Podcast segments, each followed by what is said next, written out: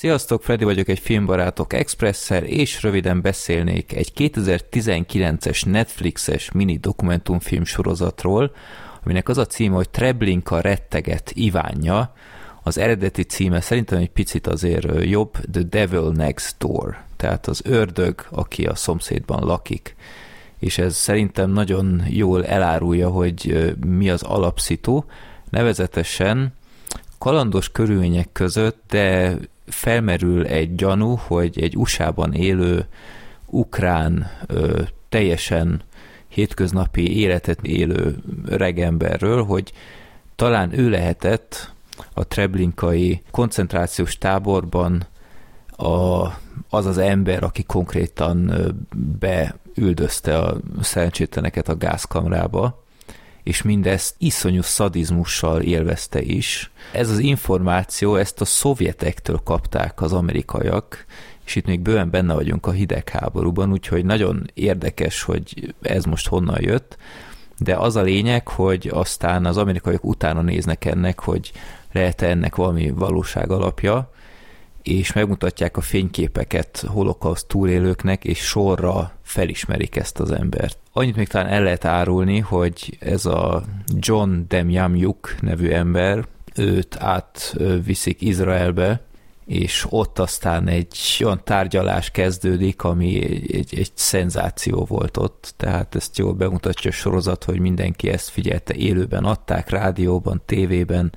nem volt semmilyen más beszédtéma, aztán ezt a tárgyalást nézhetjük, és az nagyon izgalmas még ebben a sorozatban, hogy az egyik védő ügyvédje maga is egy zsidó fickó, egy nagyon megosztó személyiség, tehát aki imádja a balhét, imádja a felhajtást,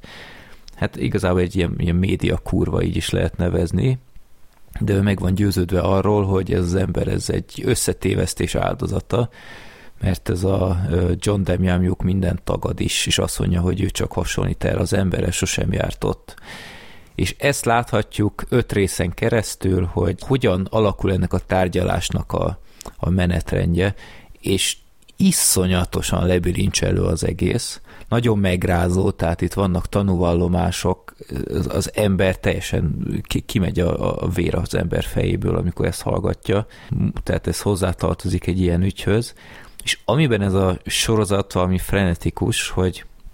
mindig elbizonytalanítja az embert, hogy elhangzik egy olyan vád, sorra felismerik, stb. és elhangzanak olyan dolgok, hogy az ember azt mondja, kész vége. Második rész, ez az ember egyértelműen bűnös. A rész végén meg megint jön egy olyan dolog, hogy úristen, tehát lehet, hogy lehet, hogy tényleg igaza van, és, és neki semmi köze az egészhez. Tehát egy, egy óriási hullámvasút az egész, és ahogy mondtam, lebilincselő. Egyedül az utolsó rész egy kicsit olyan, hát nem, nem akarok túl sokat mondani, ott egy kicsit másfelé ment a, az egész, de mindegy, de elképesztően magas színvonalú mini dokumentumfilm sorozat, egy nagyszerű korképet kapunk, bírósági drámát, és